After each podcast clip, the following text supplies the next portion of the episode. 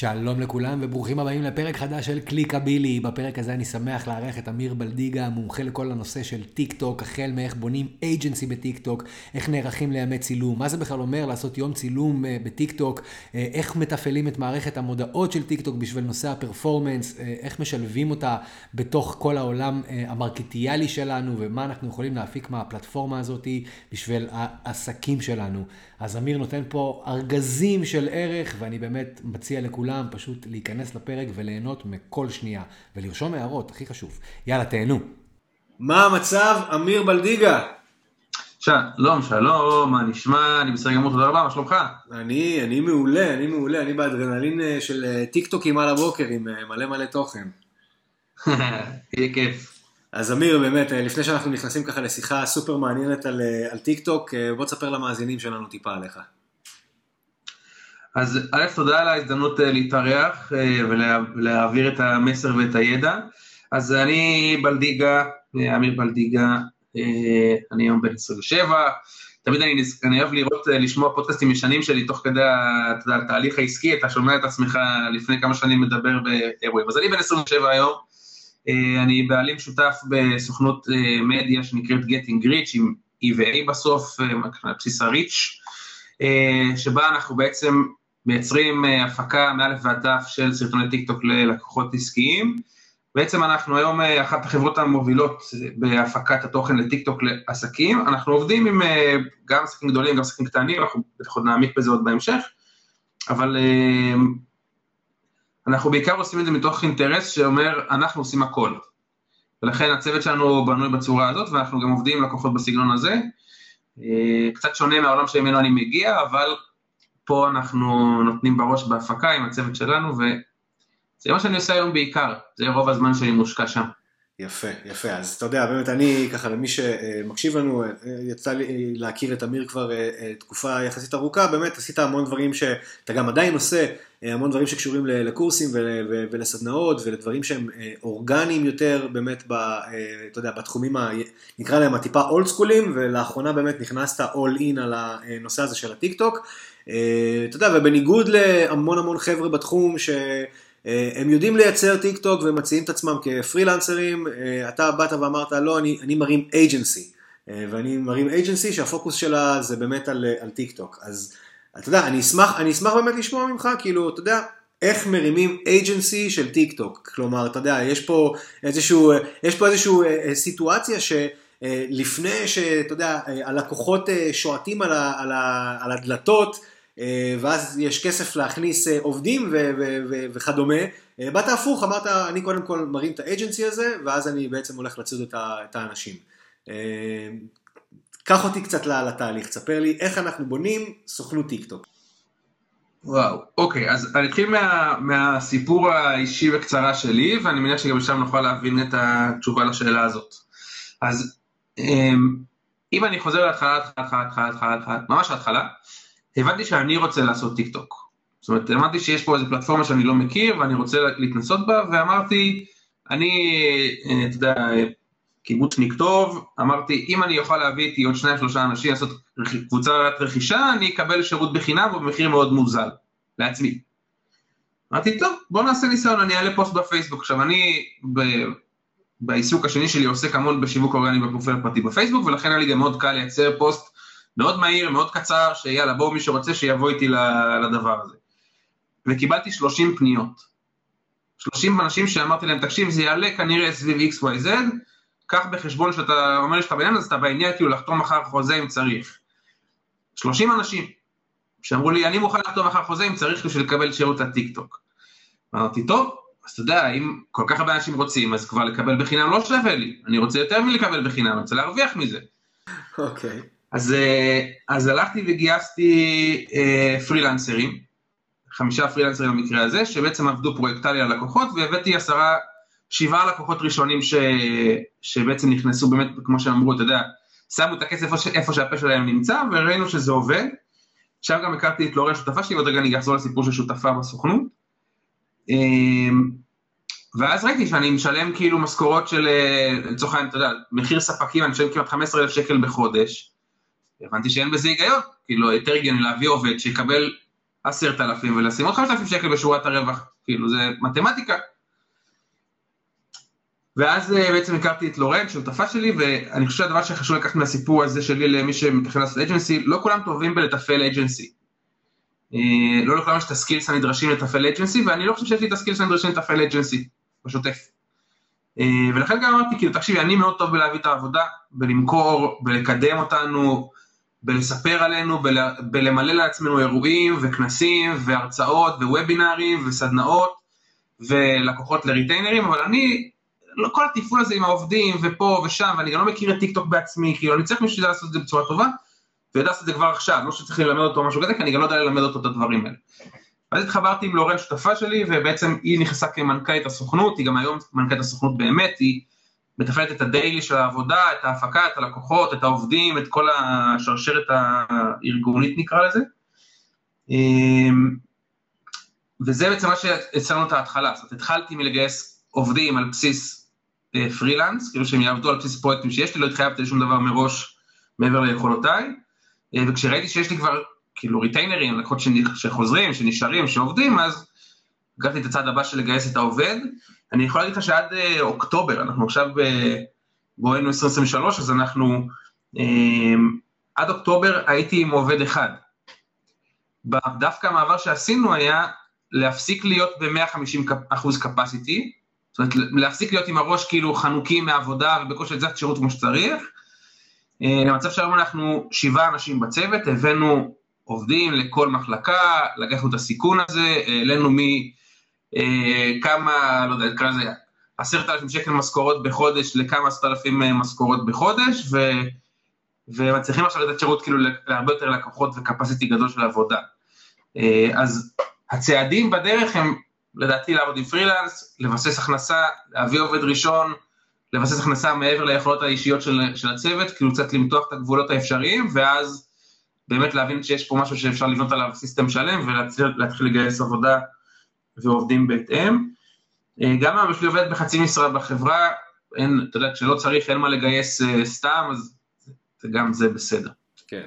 מדהים, תשמע, אז אתה יודע, אתה אומר עכשיו שיש כאילו שבעה עובדים, ואתה יודע, כשאנחנו מסתכלים רגע על טיק טוק, אז אתה בא ואומר, אוקיי, מחלקות, עניינים, מה, מה צריך מחלקות בטיק טוק, כאילו, מה כל אחד עושה בעצם? וואו, איזה שאלה טובה, אתה יודע, כל מי שמגיע לנו לסוכנות כמעט, לא מבין למה לוקח לנו שלושה שבועות לייצר לו תוכן. זה התוכן הראשון כאילו. וזה כאילו, מה זאת אומרת, שלושה שבועות זה הרבה זמן. מחר נעשה תסריטים, מחרתיים נצלם, ושלושה ימים אחר כך יהיה לנו כבר סרטונים ראשונים, סרטון ראשון שעולה. Uh, אני חושב שאני כאילו לומד גם, אתה יודע, תוך כדי העבודה, אתה מכיר את זה בתור, אג'נסי ותיק, כאילו, אני, אני לומד היום את המשמעות הזאת של בן אדם שאומר, אני לא רוצה לעבוד עם אג'נסי, אני רוצה לעבוד עם עסק, עם uh, עוסק, כאילו עם יחיד.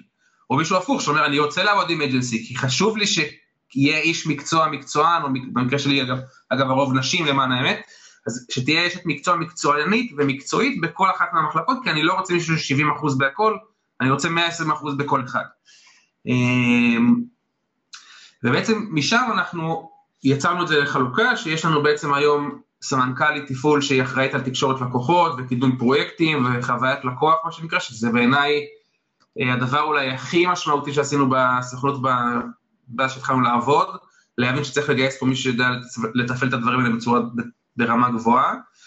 אה, יש לנו מחלקת קריאיטיב, יש לנו צילום והפקה, בימוי והפקה, יום צילום, כל הדבר שקשור בעצם ליום ההפקה עצמו, יש לנו עריכה ויש לנו ניהול גנטי.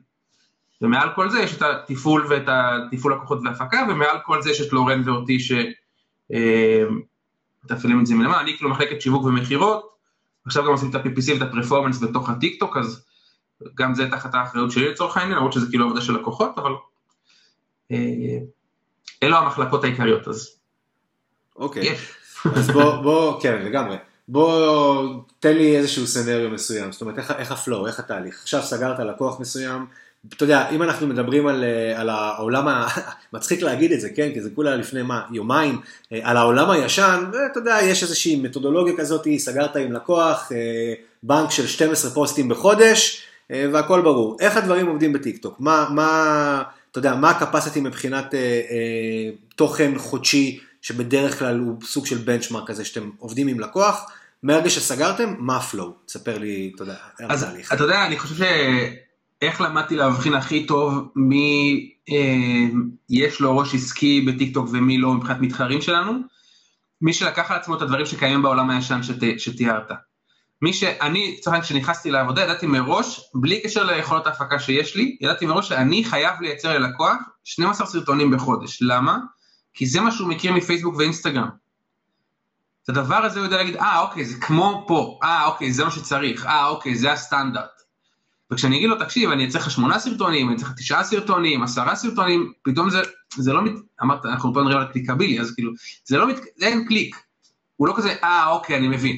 ולי זה ממש היה ברור מההתחלה, אני חושב שזה גם טיפ חשוב למי שישמע אותנו וישקול אה, לפתוח agency, לא משנה אם זה לינקדין או פינטרסט או whatever. לא סתם זה עובד בטיקטוק, בפייסבוק ואינסטגרם, אין סיבה להמציא את הגלגל מחדש בעולם הזה. אז בתכלס, מבחינת flow, אנחנו עד עכשיו עבדנו בעולם פרויקטלי, כמו שאמרת, אה, זאת אומרת, לקוח היה מגיע, קונה בנק של סרטונים, לפעמים זה לוקח לו חודשיים, לפעמים לוקח לו ארבעה חודשים למלא את כל הבנק הזה, זו הייתה בעיה מאוד מאוד קשה, אז גם זה טיפ למי שנושא agency נוגע לליבו. מראש לא להיכנס לעבודה בפרויקטלית, אה, אלא אם כן זה פרויקטים ששווים כמה עשרות אלפי שקלים per פרויקט וכל דבר כזה או אחר. אני יודע להגיד שהייתה טעות שלי להתחיל את הסוכנות במודל הזה של פרויקטלי ולא retainer. אז בעצם היום לקוח מצטרף אלינו, מקבל את כל הפרטים, עובר על כל ההסכמים, מסדיר תשלום, כל הדברים סביב לזה. ובעצם הוא נפגש לשיחת קריאיטיב ואסטרטגיית תוכן עם עם שיר, במקרה הזה בחורה שמנהלת אצלנו את הקריאיטיב. אה, זאת שיחה של שעה בזום, מה שנקרא מעמיקה וחופרת אה, לכל הדעות, לפחות לדעתי. אה, ואז אנחנו מתחילים לכתוב תסריטים, אנשים גם לא כל כך מבינים את זה בהתחלה, אנחנו אומרים את זה גם הרבה, כאילו אנחנו עושים בעצמנו עבודת חקר, נכנסים ל social, לאינטרנט, עכשיו, זה תכף מספיק להגיד, אנחנו גם נעזרים ב-AI, כאילו אנחנו יודעים לקחת את החומרים שהלקוח מביא לנו, כדי להפוך אותם לתסריטי טיק טוק שאנחנו חושבים שיעבדו בצורה הכי טובה בפלטפורמה. ופה גם נכנס לזה סוגריים קטנים, המונח הזה יעבדו טוב או יעשו עבודה טובה, הוא תלוי ב-KPI של הלקוח, שגם זה נקודה חשובה. לא כולם רוצים סתם להיות ויראליים בטיקטוק, יש לקוחות אמיתיים שמגיעים, תקשיב, אני רוצה traffic, אני רוצה אה, רכישות, אני רוצה מצטרפים חדשים ל SaaS שלי, אני רוצה אה, רוכשים חדשים בחנות, אני רוצה מטרות עסקיות. וגם פה הרבה, לדעתי עדיין טיקטוק עוד אה, מתעכב, כאילו הפלטפורמה האורגנית לפחות מתעכבת עדיין. בעולם הזה, לפחות לדעתי.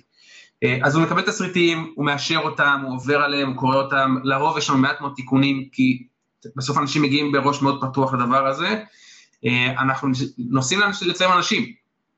הצלם הולך, כל הציוד צילום, כל ציוד ההפקה, הולכים, צלמים, יום של 4, 5, 6 שעות של עבודה מסודרת בבית העסק או המשרד או כל אחד שהוא יושב לעבוד, וזה עובר תהליכי עריכה, ואז תהליכי תיקוני עריכה, ואז... כמה, כמה תכנים אתה מצליח לייצר באמת ב- ביום כזה? אתה סוגר את כל הבנק החודשי, את כל ה-12 פוסטים האלה? כן, סוגרים 12 סרטונים ביום. אמ, מצאנו גם את זה, אתה יודע מה, זה גם עניין של אה, סוג של A-B טסטים, כאילו, אנחנו רוצים, זה קצת, אה, אתה יודע, מצא לתנגות, אנחנו רוצים לעבוד עם, לקוחות שאין להם זמן לתפעל את זה בעצמם, ולכן הם באים אלינו, ולכן אנחנו רוצים לתת להם שירות שיתאים לעובדה שאין להם זמן. אז אנחנו באים, עושים את הכל בחצי יום עבודה, 4-5 שעות של יום מרוכז, והולכים הביתה, כאילו, okay. ובזה זה נגמר. אוקיי. עכשיו אתה יודע, זה, זה משהו מעניין, כי מצד אחד אתה, אני לחלוטין, אתה יודע, מתחבר למה שאתה אומר, אה, מצד שני, כאילו של 12 פוסטים יש איזושהי מתודולוגיה מסוימת, מעלים שלושה תכנים, אה, שלושה טיקטוקים בשבוע וזה אה, מצוין, מצד שני אתה שומע כאילו לא מעט קולות שבאים ואומרים שבשביל לייצר ים של חשיפה אורגנית צריך לייצר, אתה יודע, להעלות הרבה הרבה יותר תוכן. עכשיו, מגיע אליך לקוח כזה ששמע מהחבר של, ה, של החברה של הבת שצריך לעשות שלושה סרטונים ביום, איך, איך אתה מתמודד עם טענות כאלה? מהמם. אז קודם כל אני אגיד שטיקטוק העולמית אפילו אמרה שהכמות התוכן שאתה מייצר ביום אין שום השפעה על החשיפה של הפרופיל. כאילו ממש כתבו את זה והוציאו דוח וסיכום ואמרו אין השפעה. תייצר שלושה תכנים גרועים ביום, תייצר שלושה תכנים טובים ביום, מה שמשנה זה איכות התוכן. זה דבר ראשון. עכשיו כמובן שגם הגיונית אומר, אתה אומר, אם אני אייצר בחודש 100 קטעים, מתוכם 50% יהיו מעולים, אז מתמטית תהיה לי הרבה יותר חשיפה, הרבה יותר מעורבות, הרבה יותר לידים, הרבה יותר פניות, הרבה יותר... זה נכון, זה נכון באלף ואחד אחוז. אנחנו בחנו את הנושא שהוא מאוד עלות תועלת אפקטיבי, cost effective נקרא לזה בסיפור הזה, ואני גם לכל שיחת מכירה אומר, תראה, אנחנו מצאנו שהכי אפקטיבי זה 12 סרטונים. אם אתה רוצה לייצר 36 סרטונים בחודש, אני אשמח לתת לך שירות כזה. אנחנו לגמרי על הדברים האלה. זה פשוט עניין של, אתה יודע, בן אדם צריך לבוא לקבל החלטה שהוא הולך להשקיע עכשיו, נגיד 15 אלף שקל בחודש על, אה, על לייצר סרטונים לטיק טוק, שזה אחלה, אבל זו החלטה עסקית לא פשוטה. אתה יודע, יש, יש משהו שהוא מאוד מאוד מעניין אותי בעולם הזה של הטיקטוק, אם אנחנו מסתכלים שוב פעם על, בוא ניקח כמה שנים אחורה, אז אתה יודע, היית מעלה פוסט באינסטגרם, פייסבוק, והלקוחות היו ממש בטירוף לראות את הלייקים ולמדוד לייקים ו engagement, וכאילו זה היה, אתה יודע, ה high של ה high, והיית נמדד באם הפוסט שלך הביא, הביא 100 לייקים או, או הביא שניים, זה כאילו הבדלים תהומיים. למרות שיכול להיות שדווקא בפוסט של השני לייקים גם הבאת לקוח ומכירה, ובמאה אז כאילו עשית הרבה רעש ולא יצא מזה שום דבר. זאת אומרת, גם, גם הלקוחות, לקח, לקח להם זמן לעשות רגע איזשהו שינוי במוח, שאתה יודע, וזה גם הייתה באיזשהו מקום המון עבודה מהצד שלנו כאנשי מקצוע, לבוא ולהגיד להם, תקשיבו, בסופו של דבר עם הלייקים האלה אתם לא הולכים למכולת, וזה שעכשיו העליתם איזשהו מבצע של תייגו, שתפו וכל הקשקושים האלה, והייתם מביאים ערימות של traffic ואף אחד מהם לא היה הופך להיות לקוח, זה, לא עשיתם בזה כלום, אלא אפילו עשיתם יותר גרוע כי זיהמתם את ה data. בטיק טוק התחושה היא שהמרדף הוא, הוא אחרי צפיות, זאת אומרת אתה נמדד בזה שאם יש לך 300 אלף צפיות ואם יש לך נגיד 200 זה כישלון אטומי. מצד שני באה כאילו טיק טוק ואומרת בעצמה שאתה יודע אם אתה, אתה הפרופיל שלך בסופו של דבר בטח כשאתה עסק אמור מאוד מאוד להתמקד בנישה מסוימת. סתם, בוא ניקח כאילו לדוגמה אותי, לצורך העניין. אם אני עכשיו רוצה להגיע לבעלי עסקים וכל התוכן שלי מדבר לבעלי עסקים, מן הסתם אין לי מה לצפות לחשיפה של, לא יודע, 7 מיליון איש, כי, כי זה לא באמת רלוונטי, זה לא הדף, זה לא הנישה, כאילו, אז אה, מה המדד פה להצלחה? וואו, איזה שאלה מעולה.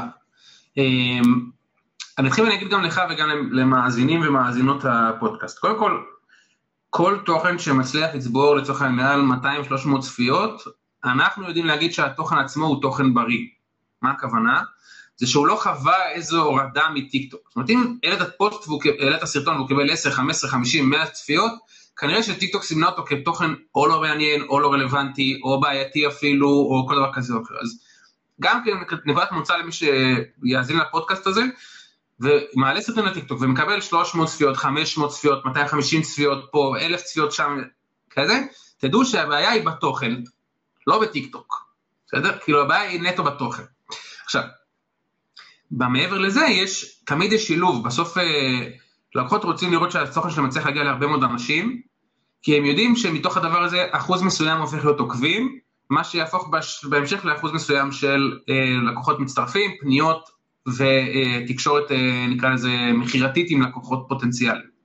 עכשיו, גם כשמגיע בן אדם שיש לו, נגיד, כמו שאמרת, תחום עסקי, הוא רוצה לראות שהוא מקבל עשרת אלפים צפיות על התוכן, כי יש עשרת אלפים בעלי עסקים או אנשים בתחום הזה שמתעניינים בתוכן שלו. זה מה שהוא רוצה לראות. בתחומים אחרים, לצורך העניין אנחנו עובדים עם אה, מסעדות, עובדים עם, אה, לא יודע, סיורים בתל אביב, מרכזי הפצה, רפואה שמתאימה לקהל מאוד רחב של אנשים. רוצים לראות עבודה של עשרות אלפי צפיות, מאות אלפי צפיות שמגיעים אליהם.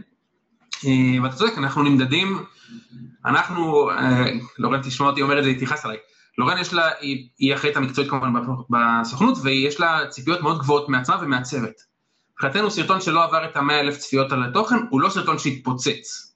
הוא סרטון שהצליח, הוא לא סרטון שהתפוצץ. אבל אני מסתכל על זה בתור, בתור מי שמגיע מפייסבוק, אומר לה, תקשיבי, את לא, את לא נורמלית, בן אדם מעלה סרטון בפייסבוק, אינסטגרם, מקבל 300 צפיות במקרה הטוב, 500, 1,000 צפיות הוא מקבל. אם יש לו אפילו נגיד אינסטגרם פעיל והוא עושה לייבים אחת לשבוע, משהו כזה. איזה בן אדם מקבל 3,000 צפיות על הסרטון שלו, 5,000 צפיות, 10,000 צפיות, 50,000 צפיות על הסרטון, זה לא קיים בעולמות האחרים. אז גם אנחנו מתכנסים עם הלקוחות האלה ואומרים להם, בואו נדבר שנייה על מה המטרה שלשמה טיקטוק משרת אותך, וזה בעיקר בעולם שבו אני נכנס לתמונה בתחילת הדרך העבודה ותיאום ציפיות, ואני אומר, טיק טוק היא, בסוף, היא בסך הכל כלי, שלטובתנו עובד בצורה של, בצורה של Outreach. אבל אתה אומר נכון, אני אבוא איתך לשיחה ואני אגיד לך, מה אתה רוצה להצליח להשיג באמצעות הטיק טוק? אתה תגיד, אני רוצה להביא קהל מדויק לאתר שלי, שיקרא את הבלוגים שלי, כשאני לעשות לו remarketing אחר כך בפייסבוק, ולסגור אותו כלקוח בסוכנות שלי באמצעות מגנט לידים שאתה, אני יודע שאתה מוכר, אה, או שירות ישיר ושיחת מכירה עם האנשי מכירות שלי. מהמם. אז אני יודע לייצר לך סרטונים, או להעביר את זה כמובן אחר כך למנהלת קריאטיב, ולייצר לך סרטונים שנכון, כמו שאמרת קודם, יביאו לך 1,500 צפיות או 3,000 צפיות או משהו בסגנון הזה, אבל אנחנו נראה 30 קליקים, 40 קליקים, 150 קליקים על הלינק בביי. אה, אז זה בהחלט מאוד תלוי ב-KPI של הלקוח. אבל הם רוצים לראות צפיות, וזה מה שחשוב להם גם כן. כן, כן. השאלה, אתה יודע, השאלה שמעניינת אותי זה בסופו של דבר זה כאילו, האם אנחנו נראה בדיוק כמו שכולם רצו לראות אה, לייקים אה, בהתחלה בפייסבוק, האם המדד של הצפיות בהמשך יהפוך להיות קצת, אתה יודע, פחות, פחות קריטי. אה, עבור בעלי עסקים. כי אתה יודע, הם יבואו ויגידו בסופו של דבר, אוקיי, סבבה, צפיות זה נחמד, אני רוצה לראות אבל איך זה מקונברט למכירה בחנות. אה, תראה, אבל דיברנו פה על סרטונים של 100 אלף צפיות וכל הדברים האלה, ואין לי ספק, גם לך, אני מניח, שמי שמאזין פה לפרק הזה גם רוצה אה, לקבל משהו פרקטי. תן לי שלושה מפתחות שעוזרים, אוקיי? שעוזרים לייצר סרטון שבאמת מתפוצץ. וואו. אוקיי, אז אני רוצה להגיד את התשובה שמתחלקת לשתיים. אמ, אחת תשובה מבאסת והשנייה תשובה מבאסת יותר. בוא נתחיל מהמבאסת יותר. התשובה מבאסת, אה, מבאסת יותר אתה רוצה להתחיל? אוקיי. לא. המבאסת יותר היא כמו כל דבר בעולם השיווק הדיגיטלי, מי שיש לו מסר טוב ויתמיד לאורך מספיק זמן, יראה הצלחה גדולה בפלטפורמה הזאת. כנראה שאפילו מהר יותר מאשר הוא יראה אותה בפייסבוק, אינסטגרם אה, או יוטיוב לצורך העניין. כלומר, אם אתם יש לכם תוכן טוב, גם אם אתם לא מצטלמים נהדר, אין לכם אייפון 14 פרו מקס visual, אין לכם setup בבית של מצלמה וסטודיו, אבל תייצרו תוכן אפקטיבי, טוב, תשימו עליו כתוביות פשוטות ב AutoCap או whatever, לאורך שנתיים, יהיה לכם יותר עוקבים וחשיפה ומעורבות מאשר בכל פלטפורמה social אחרת כנראה בשלב הזה, אוקיי? אז זה התשובה המאוד מבאסת, זאת אומרת, מספיק להתמיד וזה יעבוד. נתחיל מזה. עכשיו, התשובה השנייה שהיא מבאסת קצת פחות. בעיניי, אה, וגם מה שאנחנו מזהים, יש ארבע צמתים אה, בסרטון שמצליח להגיע לתוצאות אה, פנומנליות. זאת אומרת שאני צריך לומר 100 אלף צפיות וצפונה, זה מבחינתי ההצלחה הפנומנלית בארץ. אז זה מתחיל מרעיון אפקטיבי ומקורי, לצורך העניין, זה ממשיך בסגנון הצילום וצורת הצילום של הנגשת החומרים שיש לכם בראש, זה ממשיך בשלב העריכה, זה הצומת השלישי, שזה ערוך ברמה גבוהה, בתוכן טוב, בצורה טובה וכמו שצריך, והצד הרביעי והאחרון, הכמעט אה, נקרא לזה שסוגר את הדברים, אבל הוא חשוב לא פחות, זה שלב העלאה והתזמון של התוכן. מתי הוא עולה, עם איזה סאונד הוא עולה, אה, ואפילו בנושא היום שיש טיפה יותר חזק בטיקטוק, זה עולם הטיקטוק SEO, אז גם נושא ה caption שמצטרף אליו והאשטגים שמצטרפים לסרטון עצמו. זאת אומרת, כשארבעת הדברים האלה ביחד מתחברים בצורה טובה, אז הסרטון מגיע רחוק מבחינת אה, צפיות. כל אחד מה, מהחלקים האלה שאנחנו נדלג עליו, או לא נעשה אותו מספיק טוב, בין אם בשירות בתשלום ובין אם בעצמנו באופן אישי, עלול להפוך את ההצלחה של הסרטון, למרות שהוא סרטון מעולה, מסרטון שיגיע ל-200 אלף צפיות לסרטון שיגיע ל-20 אלף צפיות. רק על זה שהוא כביכול נגיד לא ערוך טוב, או פשוט היה מצולם בצורה משעממת, או כל דבר כזה או אחר. אה, בוא, בוא נדבר רגע על ה... כן. מה שמעניין אותי, אתה יודע, נגעת שם בנקודה שזה תמיד שאלה שנשאלת גם בעולמות של פייסבוק אינסטגרם, הנושא הזה של התזמון של השעות, שם שנייה רגע את הסאונד בצד, כאילו, מה זה שעה טובה? אז תכלס, אנחנו גם, אני חושב שגם כל מי שייכנס לאנליטיקות אצלו בסושיאל, יראה של תכלס לרוב שעות היום, ברוב ימי השבוע, הגרף די יציב. כאילו אנשים נכנסים כל היום, כל יום אה, לפלטפורמה. אנחנו מצאנו את השעות הכי אפקטיביות בסוכנות, שוב, על בסיס עשרות חשבונות טיק טוק בעשרות נישות עסקיות שונות, שהשעות הטובות ביותר הן שעות הצהריים המאוחרות, איפשהו בין השעה 3 לשעה 6. סוף יום לימודים, סוף יום עבודה, סוף יום אה, התעסקויות בדברים שוטפים ולא יודע, וסידורים, אה, לפני ארוחת הערב, בעיות הילדים ועניינים וכל אחד והעולמות של הקהל שלו. אה, זה מה שמצאנו הכי אפקטיבי מבחינת אה, נתוני הפרופילים השונים, אז אני יכול להגיד שגם לרוב מי שיקשיב לפודקאסט הזה, התשובה היא כנראה השעות האלה, איפשהו בין שעות 3 ל-6. אוקיי, ולגבי הסאונד, עד כמה החשיבות שלו היא באמת קריטית? אמ, אז אני רוצה לך תשובה שהיא קצת תשובה politically correct. היא קריטית כשזה מצליח. תגיד זה ככה. כאילו, עכשיו יש סאונד שהוא טרנדי בטיק טוק, אז טיק טוק מקדמת אותו, כי הסאונד עצמו צובר תאוצה, גורם לאנשים לצפות עד הסוף, כל דבר כזה אחר. אנחנו לא באמת משתמשים בסאונד עצמו. אנחנו משתמשים בסאונד כחלק במוזיקת הרקע, לפעמים גם על אפס volume, אה, נטו בשביל לרכב על החשיפה של הסאונד עצמו בפלטפורמה. בסדר? בתכלס, טיק טוק לא מפגרת, כאילו האלגוריתם שלהם לא מפגר, הוא יודע שהסאונד שם על אפס, הוא יודע שאף אחד לא שומע את המוזיקה הטרנדית הזאת, הוא יודע שהסרטון לא בנוי על בסיס הטרנד שכולם שאר עושים, האלגוריתם לא מפגר. אבל אנחנו רואים את זה אה, עוזר, נקרא לזה, ברמת החשיפה של הפרופיל והגעה לקהל חדש, שזה תמיד אחד הדברים שאנחנו רוצים להצליח להשיג, אה, וזה בעצם המשמעות העיקרית של הדבר הזה. כאילו החשיפה לקהל נוסף שהוא לא בהכרח הקהל שלנו. כן. אוקיי. בוא תגיד לי רגע, למה המנהלי שיווק צריכים להפסיק לפחד להיכנס לטיק טוק? כי אני בטוח שגם אתה וגם אני אה, נתקלים בלא מעט אה, מנהלי שיווק שככה, אתה יודע, מכניסים את הרגל למים, בודקים את הטמפרטורה, מצד אחד מאוד רוצים לרוץ למנכ"ל ולהגיד, תקשיב, תן לי בדג'ט כאילו ל-2023 בשביל לרוץ לטיק טוק, מצד שני מלא התנגדויות שהם גם מייצרים לעצמם וחששות וכאלה, פלטפורמה של ילדים, בלה בלה בלה בלה בלה. Hmm. דבר אליי. אמ, וואו, תקשיב, קודם כל זה שאלה שגם אני... איך אומרים זה, מתחבט בחודשים האחרונים, כי בסוף חבר'ה שיש להם מנהלי שיווק, מנהלות שיווק בחברה או באג'נסי, אנחנו רוצים לעבוד איתם. וזה קשה להם, הם יושבים איתנו בשיחות ואומרים לי, אתה יודע, בצורה ישירה. אני מאוד רוצה לעשות את הטיק טוק, יש לנו פה התנגדויות מהמנכ"לים, מהסמנכ"לים, מהמנהלי, מנהלות שיווק, בעיקר החבר'ה הוותיקים יותר שהם אה, אנשי פרפורמנס גם לצורך העניין.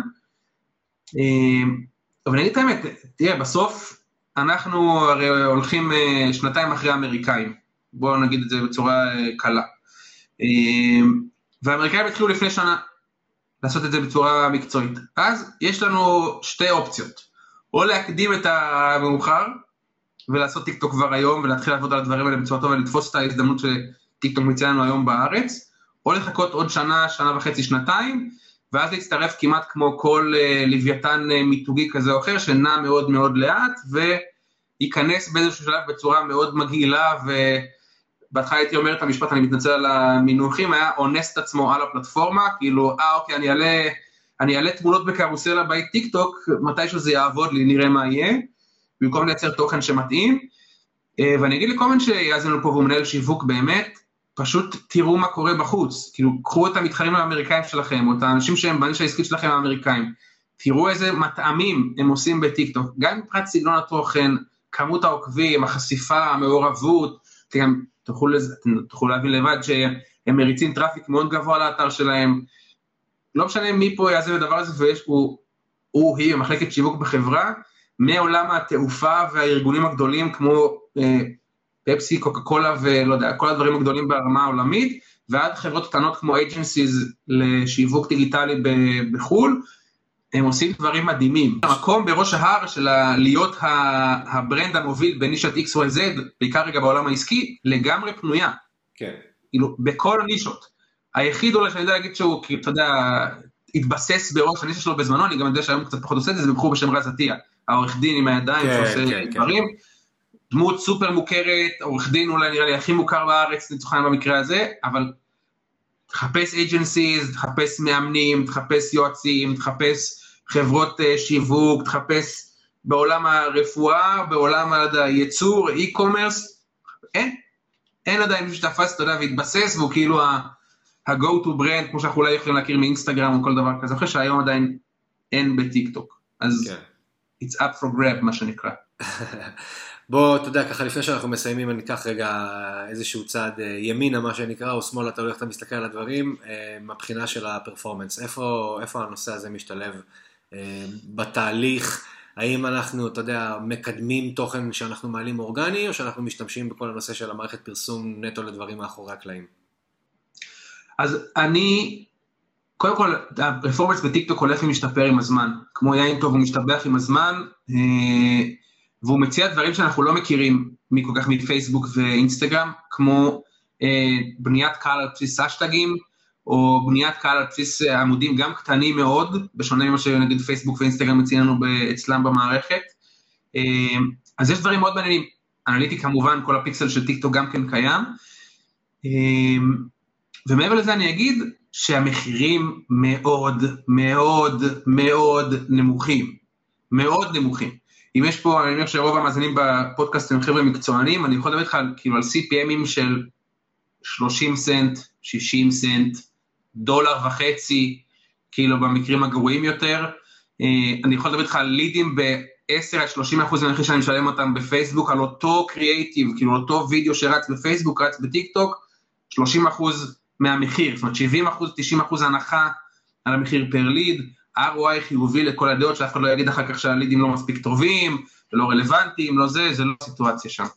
כן אני אגיד משהו שאני מאוד אוהב, אה, ואני אומר שגם אתה מכיר את ה short הזה של גרי וי, אומר, אה, קחו סרטון טוב, קדמו אותו לקהל רחב, תעשו עליו remarketing ותאמינו בשיווק לכל החיים.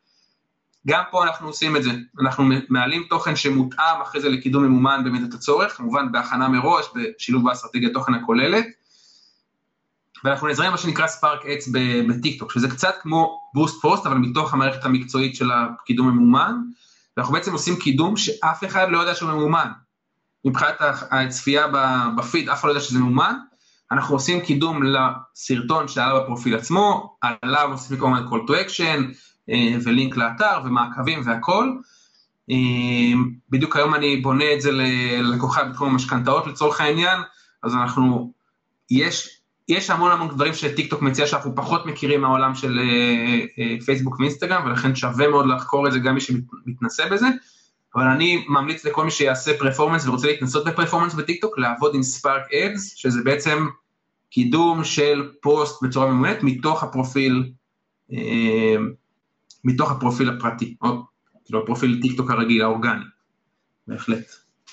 אבל הפרפורמנס חייב כדי להצליח, הדברים עובדים מדהים. אז אתה מדבר על הנושא הזה שבאמת לקדם את התוכן מתוך האפליקציה עצמה, אה, באיזשהו מקום, אתה יודע, זה גם מייצר איזשהו social proof, כי כן רואים כמה חשיפות בסופו של דבר וכמה צפיות אה, הסרטון הזה קיבל יחד עם הממומן.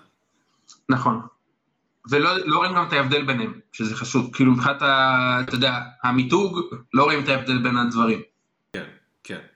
תשמע, אני באמת חושב שאנחנו יכולים להמשיך ולדבר עוד שעות על, על הנושא הזה, גם של טיקטוק באופן כללי וגם על הדברים שאתה עושה אה, בצורה אורגנית עם ה business השני, נקרא לזה ככה.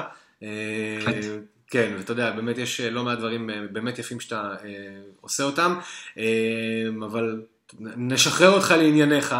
אה, ותשמע, היה, היה באמת, כאילו, אני, אה, אתה יודע, יש, יש פודקאסטים שאתה בא ואתה מקליט ואתה יודע שהם מפוצצים בערך, ובאמת, כאילו, זה פשע למי שמתעסק בעולמות האלה אם הוא לא יקשיב, ל, אתה יודע, לדברים ש, שדיברנו כאן.